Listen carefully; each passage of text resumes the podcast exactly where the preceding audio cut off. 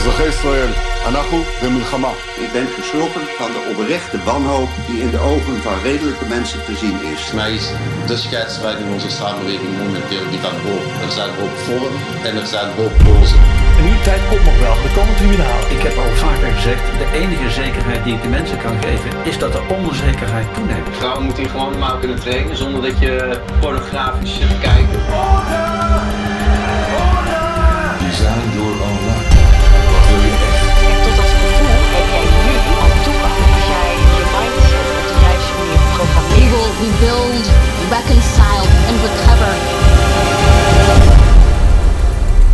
Be real with God about how broken and busted things are. And in the other hand, see that which God is redeeming. Wie is een moderne herder? Een mens die waakt over een ander.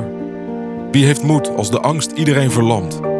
Wie neemt verantwoordelijkheid als de meesten wegvluchten? Ik bedoel, er zijn veel mensen met meningen. Influencers, columnisten, mensen die cancelen en kritiek hebben. Maar wie is een herder? Je merkt het gelijk. Als in de jeugdzorg, bij bol.com, in de politiek of op school, als er geen herder is. Dan wordt het koud en hard en dan valt een kudde uit elkaar. Ik zie mensen die dit aanvoelen. Jonge mensen, gerijpte mensen.